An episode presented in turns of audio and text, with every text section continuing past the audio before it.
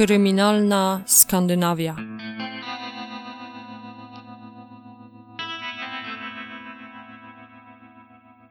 Ten podcast zawiera opisy brutalnych przestępstw i może nie być odpowiedni dla małoletnich słuchaczy.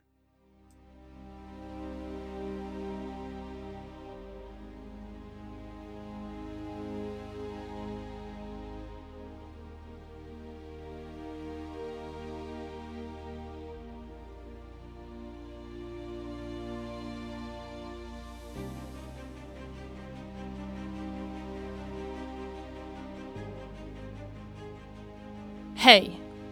Dzięki wielkie za wszystkie Wasze komentarze i opinie o podcaście. Motywacja, jaką mi dajecie, sprawia, że staram się wyszukać jeszcze więcej detali w opowiadanych historiach. Niedawno na HBO pojawił się serial dokumentalny o historii z Knutby. Polecam obejrzeć, jeśli chcecie dowiedzieć się więcej niż to, co opowiedziałam Wam w odcinku piątym. Dzisiejsza opowieść jest jedną z najbardziej nagłośnionych przez media w Szwecji. Mimo iż zdarzenia, o których Wam dziś opowiem, miało miejsce ponad 20 lat temu, wszyscy doskonale wiedzą, kim był Hagamanen. Z szacunku do ofiar w tym odcinku pozostaną one anonimowe. Miłego słuchania.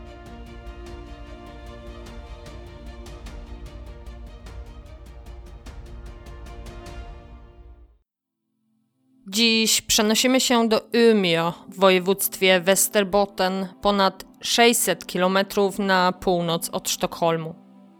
W 1999 roku miasto liczyło około 70 tysięcy mieszkańców. Dziś jest ich około 90 tysięcy. Umeå jest piątym co do wielkości miastem studenckim w Szwecji. Jest 9 maja 1999 roku. Zaraz przed godziną drugą w nocy na policję w Umeå dzwoni 28-letnia kobieta. Roztrzęsiona informuje operatora, że została napadnięta w drodze do domu. Po upewnieniu się, że jej życiu nie zagraża niebezpieczeństwo, operator wysyła radiowóz do kobiety. Po kilku minutach policjanci z patrolu numer 4900 przybywają na miejsce. W mieszkaniu znajdowały się jeszcze dwie osoby. Po ataku 28-latka nie chciała być sama i zadzwoniła do przyjaciół, którzy bez wahania udali się do niej. Funkcjonariusze dyskretnie przyglądają się ofierze. Na jej opuchniętej szyi znajdują się siniaki i zadrapania a z głowy sprawca wyrwał jej sporo włosów. Rozumieją powagę sytuacji. Siedząca przed nimi dziewczyna jest ofiarą gwałtu. Powoli zaczyna opowiadać, co się wydarzyło. Sobotni wieczór spędziła ze swoją siostrą w centrum Umio. Po wizycie u koleżanki dziewczyny udały się do baru Bluosiok Obor Około godziny pierwszej postanowiły wrócić do domu. Dziewczyny nadal miały o czym rozmawiać, co sprawiło, że postanowiły się przespacerować. Po drodze zatrzymały się przy budce z jedzeniem, zabrały frytki na wynos i kontynuowały spacer. Droga do domu prowadziła przez dzielnicę Haga, która znajduje się na północ od centrum miasta. Przy ulicy Koszgatan dziewczyny pożegnały się i podążyły do swoich mieszkań. 28-latka szła ulicą Regemensgatan. Usłyszała kroki za sobą, jednak nie czuła niebezpieczeństwa. Do domu było już niedaleko. Przez myśl przeszło jej, że ktoś ze znajomych wraca tą samą drogą. Nie była w stanie zobaczyć, kto to jest, zauważyła jednak, że osoba zaczęła biegnąć w jej stronę, próbując ją dogonić. Gdy zorientowała się, że nie zna mężczyzny zbliżającego się do niej, było już za późno. Miejsce ataku to spokojna, willowa dzielnica. Sprawca obezwładnił kobietę, przyduszając ją. Był bezwzględny i bez litości rozrywał jej ubrania. Po gwałcie odepchnął ją od siebie i krzyczał, by uciekała. Nie pozwolił jej zabrać swoich porozrzucanych rzeczy. 28-latka, nie oglądając się za siebie, pobiegła do domu i zadzwoniła do przyjaciela. Chłopak przekonał ją, że musi zgłosić napaść na policję.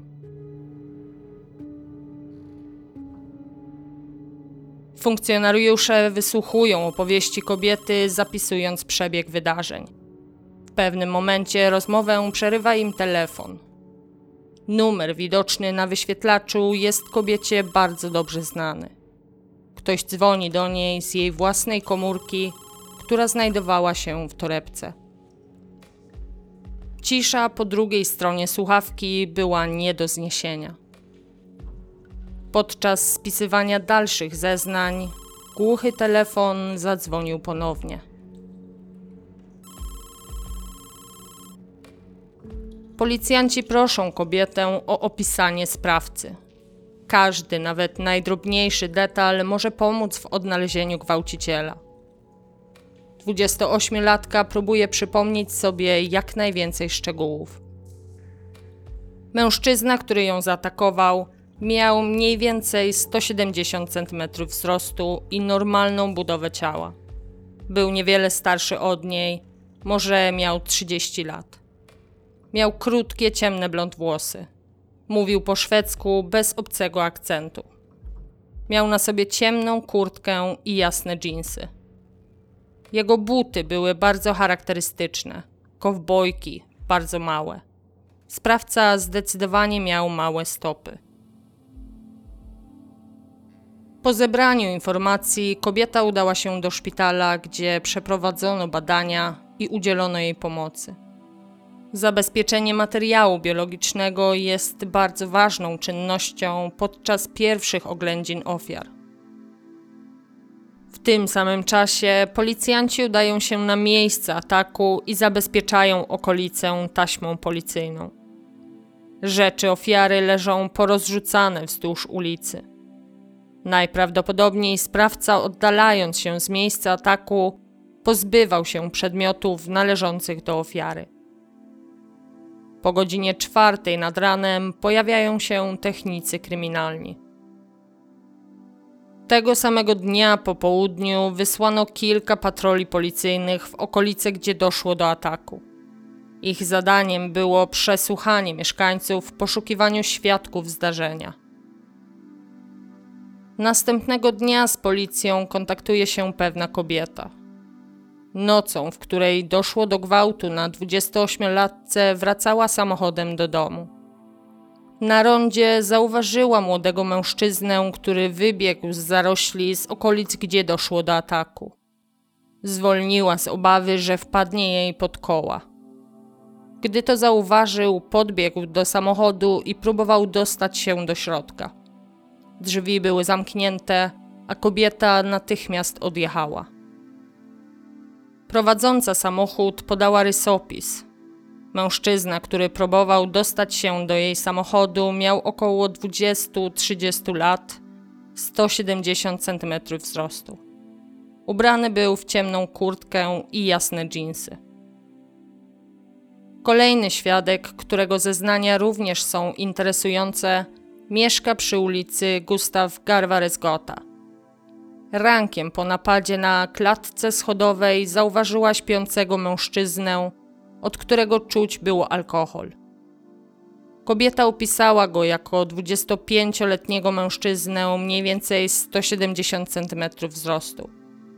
Jest to o tyle ciekawe, że ulica Gustav Garvaresgota znajduje się bardzo blisko miejsca ataku oraz ronda, na którym poprzedni świadek widziała młodego mężczyznę. Sprawdzono okolicę i starano się odszukać mężczyznę, który spał na klatce w dniu ataku. W czasie, gdy ta wskazówka dotarła na policję, po mężczyźnie nie było już śladu. Następnego dnia policja poprosiła o wykaz rozmów z telefonów należących do ofiary. Ktoś dzwonił bowiem z jej telefonu komórkowego na numer domowy. Potwierdzono, że telefon wykonano o godzinie 2.22. 20 minut później komórka ponownie łączy się z numerem stacjonarnym. Pomiędzy tymi rozmowami telefon podłączył się pod dwa maszty, które znajdowały się blisko siebie. Używający komórki ofiary był w ruchu, jednak pozostał w Ymio. Technicy kryminalni przesyłają raport z oględzin miejsca ataku. Oprócz niemal pustej torebki i butów, odnaleziono również paragony należące do ofiary. Były one rozrzucone wzdłuż drogi, którą uciekał sprawca. Ostatni paragon leżał kilka ulic dalej przy dość znanym budynku w Umeå. Motor Centralen, o którym mowa, to największy sprzedawca samochodów w okolicy.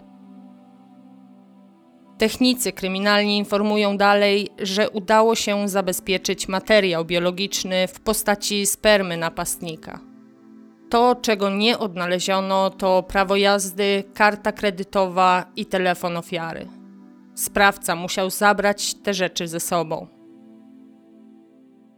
Kilka dni później śledczym udaje się namierzyć mężczyznę, który w noc ataku zasnął na klatce schodowej na ulicy Gustav Garvaresgota. Podczas przesłuchania był bardzo niespokojny. Tej nocy wracał z baru i był w drodze do kolegi. Zmęczenie spowodowało, że przysnął na klatce. Zeznaje, że nie ma absolutnie nic wspólnego z atakiem. Nie decyduje się jednak na dobrowolne pozostawienie próbki DNA. Prawo szwedzkie w roku 1999 mówiło, że decyzję o przymusowym pobraniu próbki może podjąć wyłącznie prokurator pod warunkiem wzmocnionych podejrzeń. W tym przypadku policja poza wskazówką mówiącą o tym, że facet zasnął na klatce w pobliżu miejsca ataku, nie ma żadnych innych podejrzeń wobec niego. Po przesłuchaniu opuszcza on posterunek. Pozostaje jednak w kręgu podejrzanych. Śledczy sprawdzają również policyjną bazę danych w poszukiwaniu osób, które w przeszłości popełniły podobne przestępstwa w okolicach Umeå. Kolejno sprawdzają ich alibi. Mimo nagłośnienia sprawy, śledztwo nie posuwa się do przodu. Jest 6 listopada 1999 roku. O godzinie 2.52 na policję dzwoni 50-letnia kobieta. Zeznaje, że została napadnięta kilka minut temu. Na miejsce natychmiast wysłano patrol policji. Ten wieczór kobieta spędziła ze swoją przyjaciółką. Były w restauracji, a później w barze kilka przecznic dalej. Po udanym wieczorze pięćdziesięciolatka odebrała reklamówkę z ubraniami od przyjaciółki i udała się do domu. Wracała ulicą Brownwegen w północnej części dzielnicy Hoga. Pewnym momencie usłyszała kroki. Ktoś bardzo się śpieszył. Nie zdążyła pomyśleć więcej, gdy poczuła coś na swojej szyi. Sprawca obezwładnił ją swoim paskiem, a następnie uderzył pięścią w twarz. Z samej napaści kobieta nie pamięta zbyt wiele. Musiała zemdleć kilka razy. Pamięta, że bardzo bała się o swoje życie. Mężczyzna był agresywny, groził jej i zabronił krzyczeć. Nie ma pojęcia, jak długo trwała napaść na nią. Po wszystkim starała się założyć swoje buty. Nie wie, jak dotarła do klatki schodowej. Ma przeczucie, że mężczyzna trzymał ją za ramię. Przy bramie zażądał od niej kluczy. Dała mu je, po czym resztką sił wbiegła na piętro i zapukała do sąsiada. Sprawca, widząc to, oddalił się z miejsca. Przerażenie sąsiada, gdy zobaczył pięćdziesięciolatkę, było ogromne. Pobita i zakrwawiona ofiara miała na sobie tylko jednego buta. Opis sprawcy bardzo przypomina ten, który zostawiła 28-latka. Mężczyzna miał na sobie skórzaną kurtkę i charakterystyczne buty, jakby kowbojki. Miał małe stopy. Funkcjonariusze zabierają ubrania, które kobieta miała na sobie podczas ataku i przekazują informacje do centrali. Na ulicę Braunwegen, gdzie doszło do napaści, wysłano techników kryminalnych.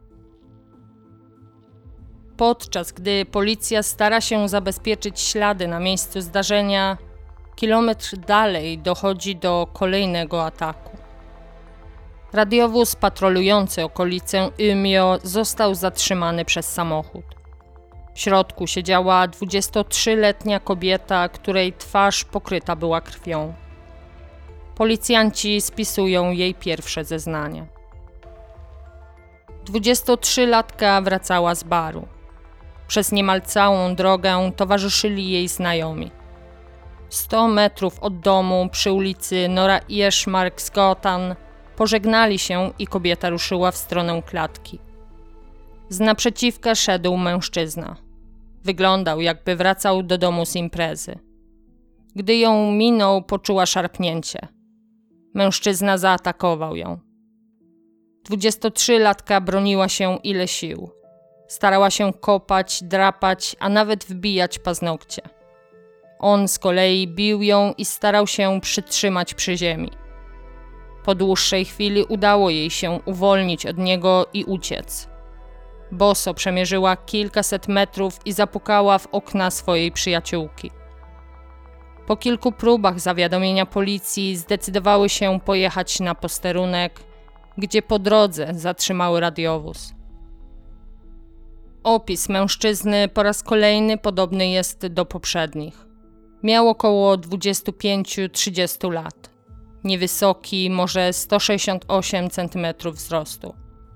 Ponownie wspomniana zostaje skórzana kurtka i brązowe półbuty. Sprawca miał zdecydowanie małe stopy. Po spisaniu jej zeznań zostaje odwieziona do szpitala. Ulica, na której doszło do ataku, znajduje się również w dzielnicy Hoga. Po godzinie trzeciej na policję dzwoni osiemnastolatka. Została pobita przez mężczyznę, gdy wracała do domu z klubu. Miało to miejsce przy ulicy Koszgotan, również w dzielnicy Hoga. Po krótkiej walce z napastnikiem udało jej się uciec. Opis sprawcy ponownie zgadza się z tym, które podały wcześniejsze ofiary. Osiemnastolatka miała niesamowite szczęście. Coś najwyraźniej przestraszyło sprawcę, który nie próbował jej zatrzymać, a uciekł w przeciwnym kierunku. Trzy napady, do których doszło tej nocy, zostały popełnione przez jednego mężczyznę.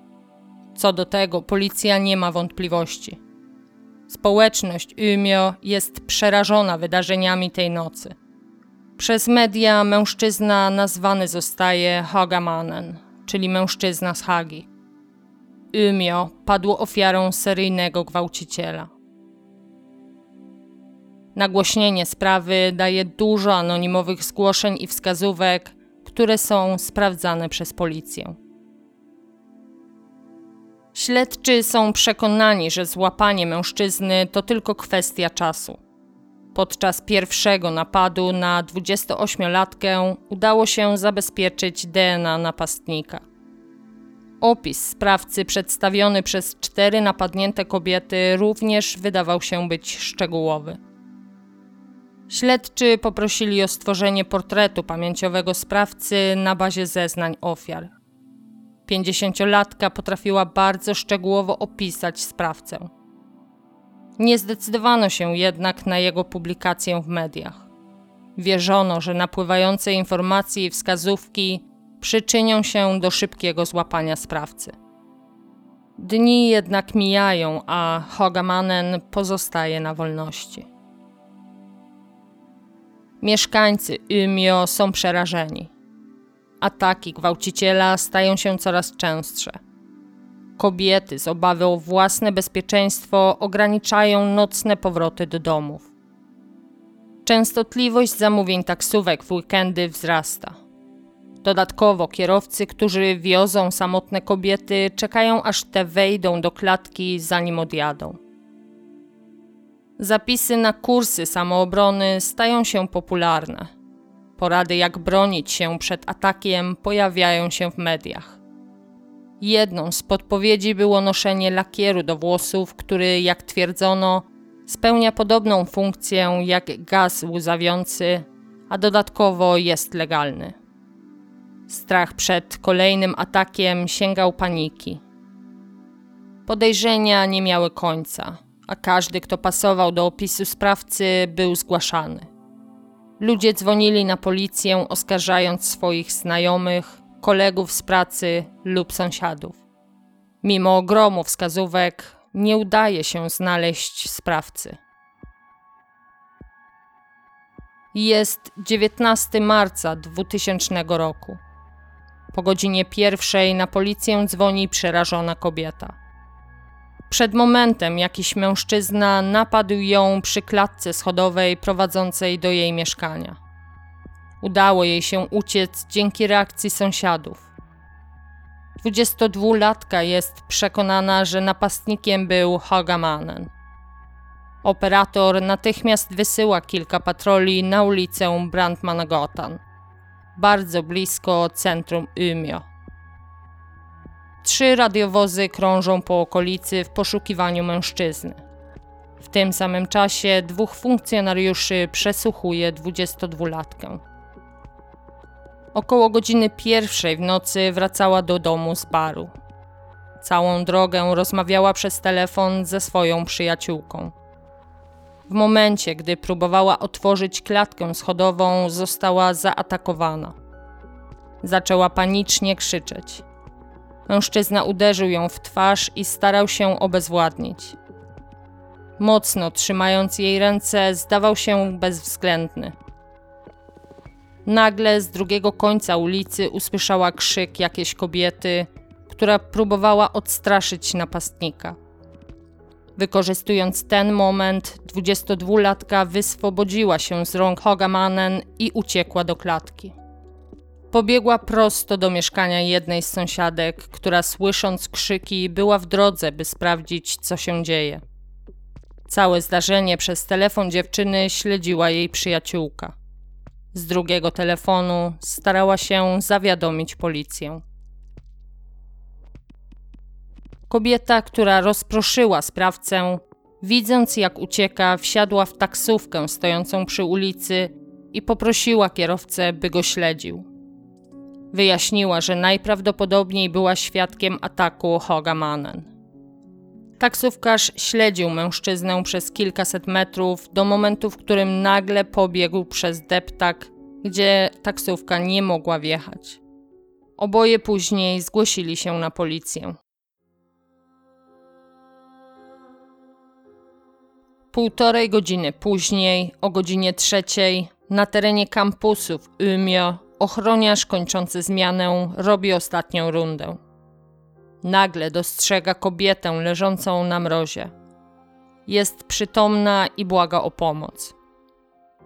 Ochroniarz natychmiast zawiadamia policję i stara się pomóc poszkodowanej. 22-letnia studentka była w drodze z pobliskiego baru, gdy została zaatakowana. Kobieta padła ofiarą gwałtu i pobicia. Sprawca był bardzo brutalny i bezwzględny. Wbijał jej palce do oczu i dusił. Kilka razy straciła przytomność. Po wszystkim zabrał jej buty i zostawił na mrozie półnagą. Tej nocy temperatura sięgała minus 10 stopni Celsjusza. 22-latka ponad godzinę leżała półprzytomna. Gdyby nie ochroniarz, który ją zauważył, kobieta najprawdopodobniej nie przeżyłaby tej nocy. W czasie, gdy ofiara trafia do szpitala, funkcjonariusz Nilsson kończył swoją zmianę. W drodze do domu zauważył mężczyznę pasującego do opisu Hogamanen.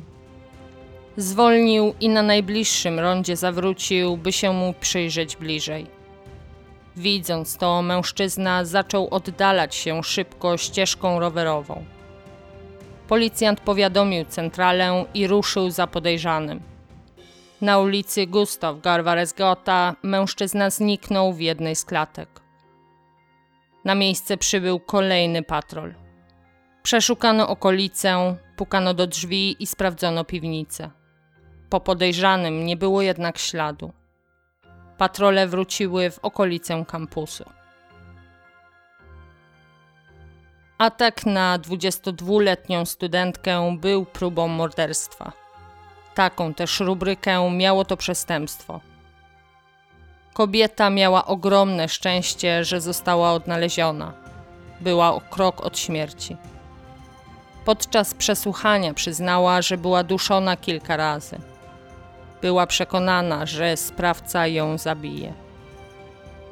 Hogamanen zabrał buty ofiary, najprawdopodobniej by zmylić psy tropiące. Według kobiety założył je na siebie i oddalił się z miejsca. To potwierdza, że miał on małe stopy. Po zmierzeniu śladów w śniegu stwierdzono, że nosił on rozmiar 38. Jak na mężczyznę jest to stosunkowo niski rozmiar buta. Sprawca stał się coraz śmielszy w swoich atakach, a przerażenie społeczeństwa narastało. Do Umeå sprowadzono grupę specjalną, która zajmowała się profilowaniem sprawców. Ich raport nie został upubliczniony w całości. Wynikało z niego, że napastnik jest samotnikiem pracującym w branży zdominowanej przez mężczyzn. Nigdy nie był w stałym związku, a krótko przed atakami najprawdopodobniej doznał odrzucenia. Nad rozwiązaniem sprawy pracowało ponad 30 policjantów. Starali się znaleźć sprawcę na wiele sposobów. Poza sprawdzeniem wskazówek od społeczeństwa, bardzo często wracali w okolice, gdzie doszło do ataków, by ponownie przepytać pobliskich mieszkańców. Przyglądali się listom telefonów podłączonych do masztów telekomunikacyjnych w dniach, w których dochodziło do napadów. Właściciele numerów byli sprawdzani i kolejno zwalniani z podejrzeń. Wielu z nich poproszono o dobrowolne oddanie próbki DNA i wielu chętnie to robiło, by raz na zawsze zostać wykluczonym. Do 2006 roku, według szwedzkiego prawa, policja nie mogła zmuszać nikogo do oddania próbki DNA bez wyraźnych podejrzeń co do jego winy. Ci, którzy odmówili porównania swojego materiału biologicznego do tego, które odnaleziono podczas ataków, opuszczali posterunek bez większych konsekwencji. Prawo zmieniono w 2006 roku. Policja może pobrać DNA od osób, co do których istnieją najmniejsze podejrzenia w sprawach, za które grozi kara pozbawienia wolności. W rejestrze DNA pozostają tylko osoby skazane. Próbki pobrane od osób, które nie są już podejrzane o popełnienie przestępstwa, podlegają zniszczeniu niezwłocznie po zamknięciu sprawy. Śledczy starali się przekonać mężczyzn pasujących do opisu sprawcy do dobrowolnego oddania próbek. Ci, którzy odmawiali, pozostawali w kręgu podejrzanych. Wrócono również do mężczyzny, który rok wcześniej zasnął na klatce schodowej przy ulicy Gustav Garvares Gotha. Tym razem zgadza się on na porównanie DNA. Chce raz na zawsze oczyścić się z zarzutów. Wynik jest negatywny. Mężczyzna, mimo iż zachowywał się podejrzanie, nie jest seryjnym gwałcicielem, którego poszukiwano.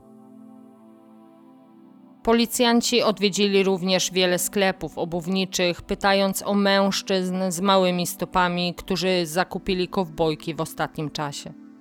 Szczególnie te rozmiaru 38. Prosili o uwagę sprzedawców i informacje, jeśli pojawi się ktoś odpowiadający rysopisowi z małymi stopami. Jest 1 grudnia 2000 roku. Na policję dzwoni ojciec 15-letniej dziewczyny. Przed momentem córka została napadnięta w drodze do domu. Patrol policji przybywa na miejsce. Piętnastolatka jest w szoku, jednak jest w stanie opowiedzieć, co się stało. Po godzinie 23 wracała do domu od koleżanki. W pewnym momencie usłyszała kroki, a gdy się odwróciła, było już za późno. Napastnik przydusił ją i przewrócił na ziemię. Zasłonił jej usta ręką, co sprawiło, że nie była w stanie krzyczeć. Próbował ściągnąć z niej spodnie. Leginsy, które miała pod nimi, sprawiły, że nie udało mu się tego zrobić. Poirytowany zmusił dziewczynę do seksu oralnego. Po wszystkim kazał jej uciekać. Na boso pobiegła czym prędzej do domu i opowiedziała ojcu, co się stało. Opis sprawcy pozostawiony przez piętnastolatkę był bardzo szczegółowy. Do tego stopnia, że detale typu zmarszczki na czole przysłoniły ogólny opis napastnika. Dzielnica Ieszbuda, w której doszło do ataku, leży w północnej części Umeå. Dość daleko od ataków, które przypisuje się Hogamanen. Technicy kryminalni przekazali śledczym raport z miejsca ataku. Nie udało się zabezpieczyć żadnych śladów DNA. Pies tropiący zgubił trop kilka metrów dalej. Rzeczy znalezione na miejscu należały do piętnastolatki. Przesłuchanie pobliskich mieszkańców nie wniosło nic do sprawy. Nie udało się odnaleźć ani jednego świadka zdarzenia. Kilka dni później policja informuje media, że nie znaleziono powiązania z atakami dokonanymi przez Hogamanen. Śledztwo w sprawie próby gwałtu na 15-latce będzie prowadzone osobno. Ta decyzja będzie miała ogromne znaczenie. Śledztwo w sprawie seryjnego gwałciciela trwa.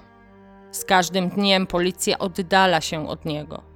Wskazówki, które nadal wpływały na policję, są już przedawnione, a Hogamanen zyskuje przewagę nad śledczymi. Rok po ostatnim ataku policja nadal nie ma pojęcia, kim jest sprawca. Lata mijają, a Hogamanen pozostaje na wolności. Z każdym rokiem zmniejsza się grupa pracujących nad sprawą policjantów. Liczba mężczyzn, którzy zostawiają swoje DNA do porównania, sięga 700. Ataki na kobiety ustały. Czyżby sprawca wyjechał i Umeå jest bezpieczne? W końcu to miasto studenckie, być może skończył studia i wrócił do rodzinnego miasta. Możliwe, że zmarł, co zdecydowanie utrudni jego identyfikację. Mieszkańcy Umeå zastanawiali się, czy sprawca nie przebywa w więzieniu. To zostało jednak wykluczone. Gdyby tak było, jego DNA byłoby w policyjnej bazie danych. Jest luty 2005 roku. Nad sprawą Hogamanen pracuje zaledwie kilku policjantów. Do tej pory portret pamięciowy, który sporządzono po czterech pierwszych atakach seryjnego gwałciciela, nie został upubliczniony. Z pomocą programu Eftelist, czyli poszukiwany, postanowiono to zmienić. Pod koniec lutego w owym programie opublikowano portret pamięciowy Hogamanen. Napływ nowych informacji od społeczeństwa przerasta oczekiwania śledczych. Niektóre z nazwisk pojawiają się kilkakrotnie. Sprawdzenie każdego, kto został zgłoszony anonimowo, zajmuje sporo czasu. Jesienią 2005 roku zapada decyzja, by ponownie przejrzeć akta. Do małej grupy pracującej nad sprawą dołączają nowi policjanci. Śledztwo od nowa nabiera tempa. Ponownie testowani są mężczyźni, którzy decydują się oddać próbkę DNA. Jest 10 grudnia 2005 roku. Zaraz po godzinie drugiej na policję dzwoni 51-letnia kobieta. Informuje operatora, że została napadnięta i zgwałcona. Rozmowa była krótka, została przerwana. Operator uzyskał jednak adres i natychmiast wysłał na miejsce policję i ambulans. Do mieszkania kobiety pierwsi przybywają policjanci. W oczekiwaniu na ambulans, wyziębiona i pokryta krwią 51-latka opowiada, co się wydarzyło.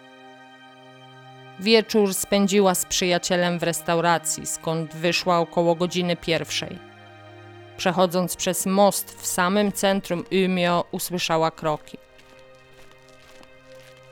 Widziała pijanego mężczyznę na środku mostu, który ledwo trzymał się na nogach. Przez moment zastanawiała się, czy mu pomóc. Była jednak zmęczona i chciała jak najszybciej wrócić do domu. Gdy była na końcu mostu, mężczyzna nagle zaczął biec w jej stronę. Po stanie nietrzeźwości nie było ani śladu. Mężczyzna z ogromną siłą rzucił się na nią i przewrócił ją na ziemię. Przeciągnął ją pod most, gdzie zerwał z niej ubrania. Podczas napaści odgryzł jej ucho. Po gwałcie bił ją i ciągnął za włosy. Kobieta była przekonana, że nie przeżyje. Mężczyzna próbował utopić ofiarę w rzece. Broniła się jak mogła, gryzła go po rękach i krzyczała. Ten był jednak bezwzględny. Doprowadził ją do nieprzytomności. Gdy się ocknęła, leżała półnaga na lodzie u brzegu rzeki. Ostatkiem sił wróciła do domu i zawiadomiła policję. Kobieta została przewieziona do szpitala. Na miejscu ataku odnaleziono odgryzione ucho, które zapakowane w śnieg przewieziono do szpitala. Późniejsza operacja przyszycia ucha zakończyła się sukcesem. Brutalny atak na 51-latkę ponownie wzbudza strach w Umeå. Opis mężczyzny, jaki zostawiła napadnięta kobieta, zgadza się z opisem Hogamanen. Ślady butów sprawcy również pasują rozmiarem do ściganego od ponad 6 lat seryjnego gwałciciela. Z każdym atakiem stawał się on coraz śmielszy i bardziej brutalny. Zarówno 22-letnia studentka, jak i 51-letnia kobieta były o krok od śmierci. To świadczy o wzroście przemocy, jakiej dopuszcza się Hogamanen. Jedno jest pewne – Mężczyzna nie przestanie atakować, dopóki nie zostanie złapany. Do sprawy przydzielono kolejnych policjantów. Tym razem nie ma czasu ani miejsca na błędy. 22 tysiące stron zebranego materiału przeglądane jest ponownie. Na początku 2006 roku policja otrzymała anonimowy cynk o mężczyźnie, który był bardzo podobny do portretu pamięciowego. Takich wskazówek było mnóstwo, ale każda z nich była skrupulatnie sprawdzana. Kilka tygodni po zgłoszeniu śledczy przypatrują się wskazanemu mężczyźnie. Niklas Lindgren to pracownik znanego w Umeå salonu i warsztatu samochodowego Motor Centralen. 33-letni mężczyzna nie występuje w rejestrze policyjnym. Wzrost mężczyzny według prawa jazdy to 1,66 m. Niklas nie pasował jednak do profilu, jaki przygotowali specjaliści. Był żonaty, miał dwójkę dzieci. Mieszkał w niewielkiej miejscowości w gminie Umeå. Mimo zbieżności zaproszono go na przesłuchanie. 20 marca 2006 roku, zaraz po godzinie 16, Niklas przybył na posterunek w ubraniach roboczych. Zapytany o alibi na dzień ostatniego ataku, nie potrafił sobie przypomnieć, co robił. Zapewne był w domu. Jego odpowiedzi na pytania śledczych były niejasne i wymijające. Odmówił również testu DNA. Po przesłuchaniu skontaktowano się z pracodawcą Niklasa. Śledczy rozmawiali również z jego kolegami z pracy. W dniu, w którym doszło do ostatniego ataku na 51-latkę, Niklas był na imprezie zorganizowanej przez pracodawcę. Był zatem w centrum Umeå, nie w domu, jak sam twierdził. Następnego dnia ponownie zostaje poproszony o przyjście na komisariat. Śledczy informują go o zeznaniach jego kolegów z pracy o wieczorze, w którym doszło do brutalnego ataku pod mostem. Niklas przypomina sobie, że byli na gokardach, a później w barze Oliris. Po godzinie drugiej rozeszli się. Pod barem zauważył, że w lokalu, gdzie jeździli gokardami, zostawił swoją torbę. Zaczepił jakichś nastolatków siedzących w Volvo i poprosił o podwózkę. Lokal był jednak zamknięty, więc nie mógł dostać się do środka. Zadzwonił do swojej żony i poprosił o odebranie go z miasta. Śledczy mieli wrażenie, że tłumaczenia Niklasa były naciągane, jakby wymyślone na miejscu. Poprosili go ponownie o zostawienie próbki DNA, a ten ponownie odmówił. Tego wieczoru skontaktowano się również z małżonką Niklasa i poproszono, by następnego dnia przybyła na komisariat. Śledczy nie są usatysfakcjonowani zachowaniem i tłumaczeniami Niklasa. Po rozmowie z jego żoną postanawiają wykorzystać zmianę prawa odnośnie poboru próbek DNA od podejrzanych w śledztwie. 24 marca 2006 roku Niklas Lindgren ponownie zostaje przesłuchany. Tym razem zostaje od niego pobrane DNA. Podczas pierwszej próby miał tak sucho w ustach, że nie udało się zebrać jego śliny. Otrzymał szklankę wody i za drugą próbą pobrano jego DNA. Po przesłuchaniu opuścił posterunek. Pięć dni później przychodzi odpowiedź. 777 próbka DNA jest zgodna z DNA Hogamanen. Niklas Lindgren jest poszukiwanym przez ponad 7 lat seryjnym gwałcicielem. Natychmiast zostają zorganizowane dwie grupy, których zadaniem jest zatrzymanie mężczyzny. Jedna jedzie do jego domu, druga zaś do warsztatu przy Motor Centralen, gdzie pracuje Niklas. Jeszcze tego samego dnia zorganizowano konferencję prasową, na której poinformowano o zatrzymaniu Hogamanen. Sala była przepełniona dziennikarzami. Ciekawość nie znała granic. Kim jest człowiek, który przez tyle lat terroryzował miasto Umeå? Co sprawiło, że dopuszczał się tak brutalnych ataków? Obraz 33-letniego męża i ojca dwójki dzieci nie pasuje do potwora, który steroryzował miasto. Znajomi i przyjaciele nie mogą uwierzyć, że Niklas mógłby być winnym brutalnych ataków na kobiety. Niklas Lindgren, przebywający w areszcie, nie przyznaje się do winy. Wypiera się jakiejkolwiek wiedzy na temat ataków. Prokuratura wystawia nakaz przeszukania posiadłości Niklasa. Przez następne kilka tygodni intensywna praca śledczych skupia się na odnalezieniu dowodów, które wzmocnią akt oskarżenia.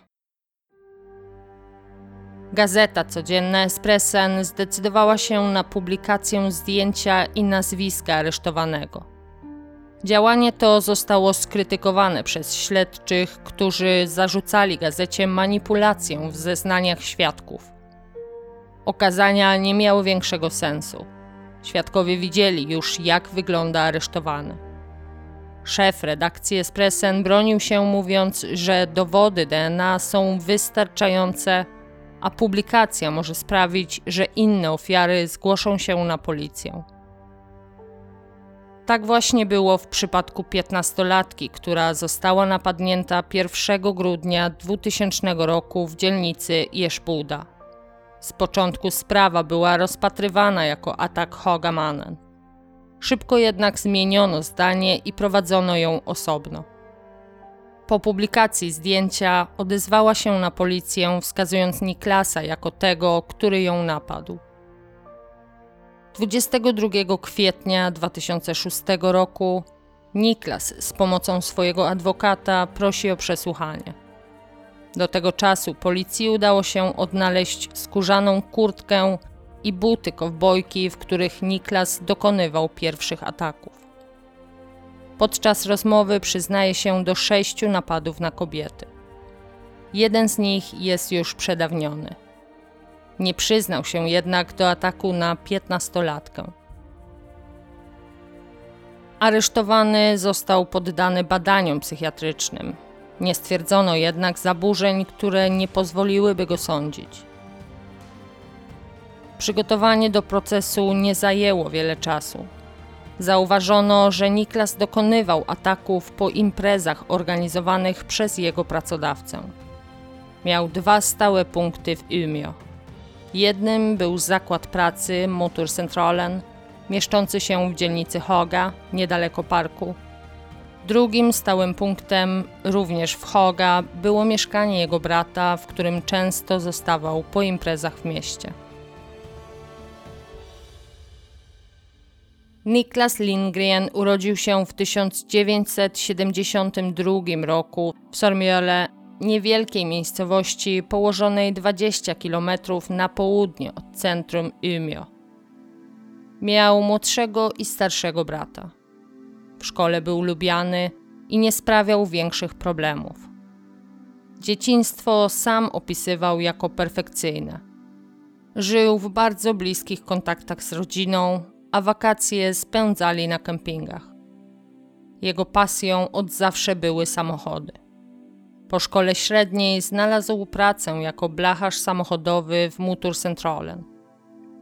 W wieku 17 lat poznał swoją żonę. Kilka lat później wzięli ślub. Podczas gdy jego żona po porodzie drugiego dziecka nadal przebywała w szpitalu, on niemal zabił 22-letnią studentkę.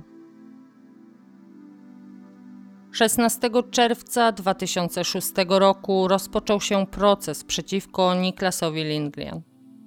Sąd zdecydował, że proces będzie odbywał się za zamkniętymi drzwiami.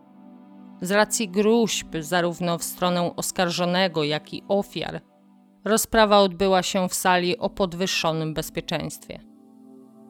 33-letni Niklas Lindgren został skazany za dwie próby gwałtu, gwałt oraz dwa brutalne gwałty i dwie próby zabójstwa na 14 lat pozbawienia wolności. Sąd odrzucił oskarżenie o gwałt na 15-latce w Ieszbuda mimo podobieństw w napadzie.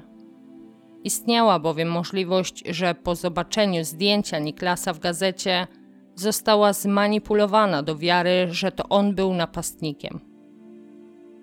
Zarówno skazany, jak i prokuratura złożyli odwołanie od wyroku. Prokuratura wnioskowała o dożywocie, Niklas natomiast o uniewinnienie z prób zabójstwa. Sąd apelacyjny wydał wyrok 2 października 2006 roku. Niklas nie został oczyszczony z zarzutów prób zabójstwa. Ten punkt nie został zmieniony. Sąd zmienił jednak stanowisko w sprawie napaści na 15-latkę w dzielnicy Jeszbuda. Udowodniono, że ten wieczór oskarżony spędził na imprezie w pobliżu miejsca ataku. Według sądu nie ma wątpliwości, że dokonał gwałtu na 15-letniej dziewczynie. Kara nie została zmieniona. W sierpniu 2015 roku Niklas Lindgren aka Hogamanen opuścił mury więzienia. Został zwolniony warunkowo za dobre sprawowanie po odbyciu dwóch trzecich kary. Rada nadzorcza, która podjęła tę decyzję, zabroniła mu powrotu do Umeå przez pierwszy rok. Niklas złożył odwołanie do sądu, który zmienił decyzję. Hogamanen mógł wrócić do rodzinnego Umeå. Po tym, jak Hagamanen opuścił mury więzienia, Umeå przeprowadzono demonstrację przeciwko decyzji sądu o jego powrocie do Umeå. Pod koniec sierpnia został on brutalnie pobity, m.in. kijem do golfa, przez trzech mężczyzn. Kilka miesięcy później mężczyźni zostali oczyszczeni z zarzutów.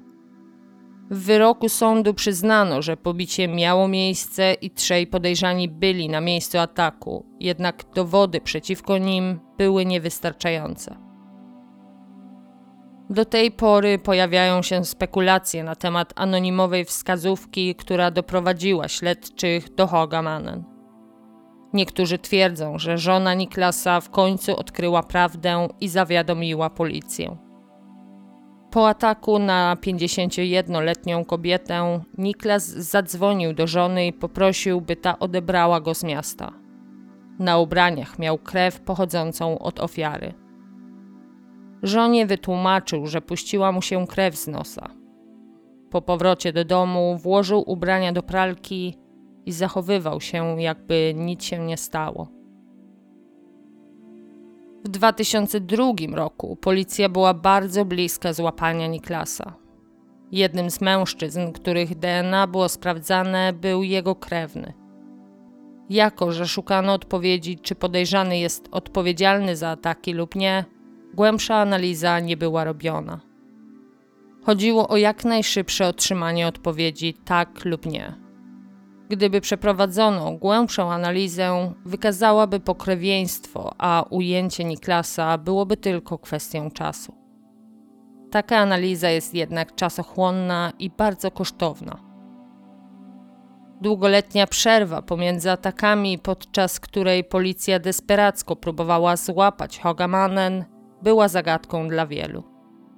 Jedni twierdzili, że wyjechał, inni, że siedział w więzieniu. Wytłumaczenie było jednak proste. Niklas cały swój wolny czas poświęcał rodzinie i renowacjach w domu. Unikał także imprez i alkoholu. Hogamanen nie okazał się potworem, który był samotnikiem i zdecydowanie wyróżniał się z tłumu. Był mężem, ojcem dwójki małych dzieci, skarbnikiem w pobliskim klubie sportowym, zaufanym kolegom z pracy.